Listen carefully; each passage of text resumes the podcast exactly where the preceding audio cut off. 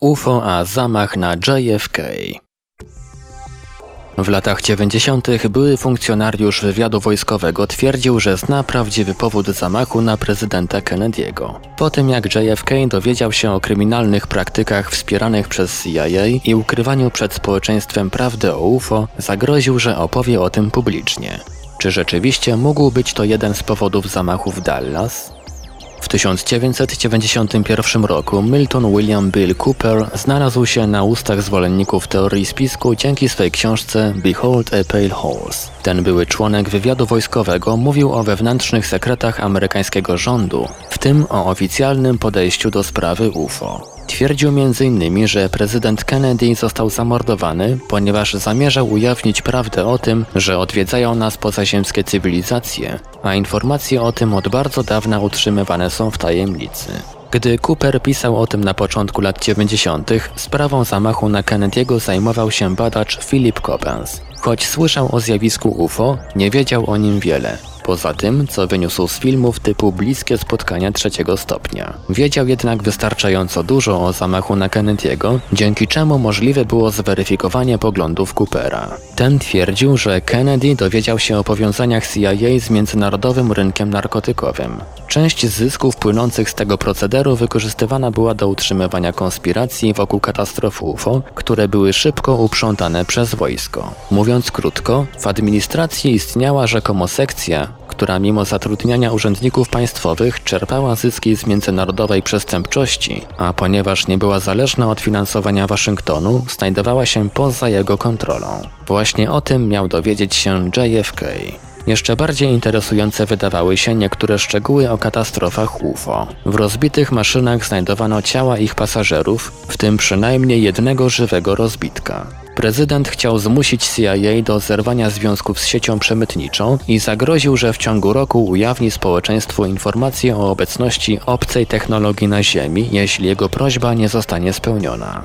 Majestic 12 czyli MJ-12, która według Coopera była grupą nadzorującą ukrywanie informacji o UFO, gdy dowiedziała się o ultimatum Kennedy'ego, postanowiła, że się go pozbędzie. Dopiero wiele lat później Philip Coppens dowiedział się, że MJ-12 stanowiło część kampanii dezinformacyjnej przeciw ufologowi Paulowi Benewitzowi, który przypadkiem natknął się na ślad wojskowej akcji, o której nikt miał nie wiedzieć. Aby ukryć prawdę o tej sprawie, służby specjalne karmiły go kłamstwami, twierdząc, że ma to wszystko związek z UFO. Wiele zasianych wówczas mitów funkcjonuje w ufologii do dziś. W Behold a Pale Horse Bill Cooper twierdzi no w dzień, kiedy dowiedziałem się, że wywiad marynarki brał udział w zamachu na prezydenta Kennedy'ego i to, że kierowca, agent Secret Service, postrzelił go w głowę, opuściłem służbę bez tłumaczenia się i zamiaru powrotu. Cooper twierdził, że Kennedy'ego zastrzelił kierowca, tajny agent William Greer, który w jakiś sposób odwrócił się i trafił go z pistoletu. Na tak zwanym filmie Zaprodera, na którym oglądający przejazd prezydenckiego orszaku obywatel uchwycił moment zamachu, nie widać nic takiego. Cooper twierdził, że film został zretuszowany, co wydaje się raczej niemożliwe. Pojawia się także inny problem. Między kierowcą a prezydentem siedział gubernator Connelly. Dlaczego uniknął strzału? Na to pytanie Cooper nie umiał odpowiedzieć. Autor doszedł w końcu do następującego wniosku. Myślałem, że zagrożenie ze strony obcych jest bardzo realne. Dopiero po latach badań zrozumiałem, z czym tak naprawdę miałem do czynienia. Było mi trudno uwierzyć, że rząd mojego kraju i marynarka wojenna wykorzystały moją pracę dla swoich celów. Większość z funkcjonariuszy, nawet jeśli o tym słyszeli, pewnie nigdy w to nie uwierzy. Cooper mylił się jednak całkowicie w kwestii powodów zamachu na JFK. Nawet jeśli trop był dobry, nie podawał on żadnych satysfakcjonujących dowodów. Wydawało się zatem, że połączył on dla poklasku dwie popularne linie teorii spiskowych. Na jakich dowodach opierał się Cooper? Pierwotnie twierdził, że czytał dokumenty na temat wielu raz z kosmosu, na których ślady natknął się amerykański rząd. Z niektórymi wszedł nawet w dwustronne układy. Informator nigdy jednak nie pokazał żadnego materiału. Przez 7 lat mówił o tym każdemu, kto chciał go słuchać, po czym stwierdził, że podsunięto mu sfabrykowane informacje i nic z tego nie było prawdą. Najprawdopodobniej po tym, jak sprawę MJ-12 uznano za kampanię dezinformacyjną, Cooper zdecydował się zdystansować od sprawy. Mimo to jego poglądy nadal odciskają piętno na zwolennikach teorii spiskowych. Czy rzeczywiście istnieje związek między tajemnicą UFO a zabójstwem JFK? Historia Coopera stoi w sprzeczności do informacji Dorothy Kilgallen, dziennikarki zbliżonej do rodziny Kennedych, którą również interesowała sprawa katastrof UFO, szczególnie przypadek z Aztec.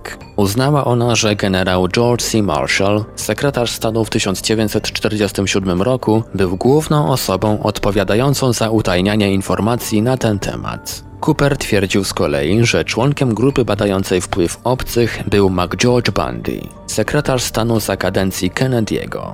Znając rodzinę prezydenta, dziennikarka interesowała się mocno sprawą zamachu na JFK, co ujawniło się w trakcie procesu Jacka Rabiego, kiedy poprosiła ona sędziego o dostarczenie oskarżonemu informacji od bliskiego przyjaciela. Sędzia przystał na prośbę Kilgallen i przez 8 minut rozmawiała ona z zabójcą Lee Harleya Oswalda, oskarżonego o zastrzelenie prezydenta. Szczegóły opublikowała ona 14 kwietnia w New York Journal American, choć swoim przyjaciołom mówiła: To był spisek, zamierzam ujawnić prawdziwą historię. To będzie wydarzenie stulecia. Nigdy do tego nie doszło.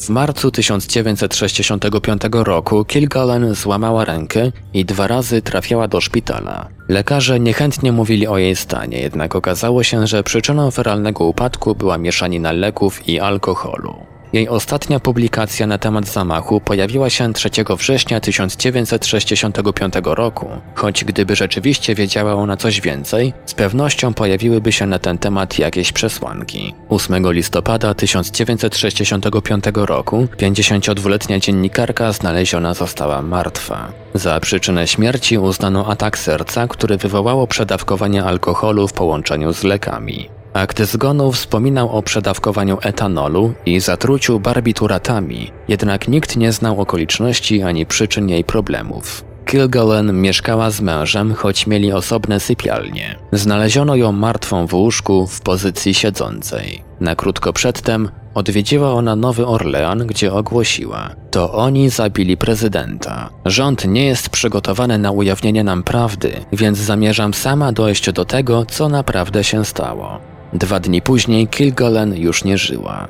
Czy ktoś obawiał się tego, co może wiedzieć?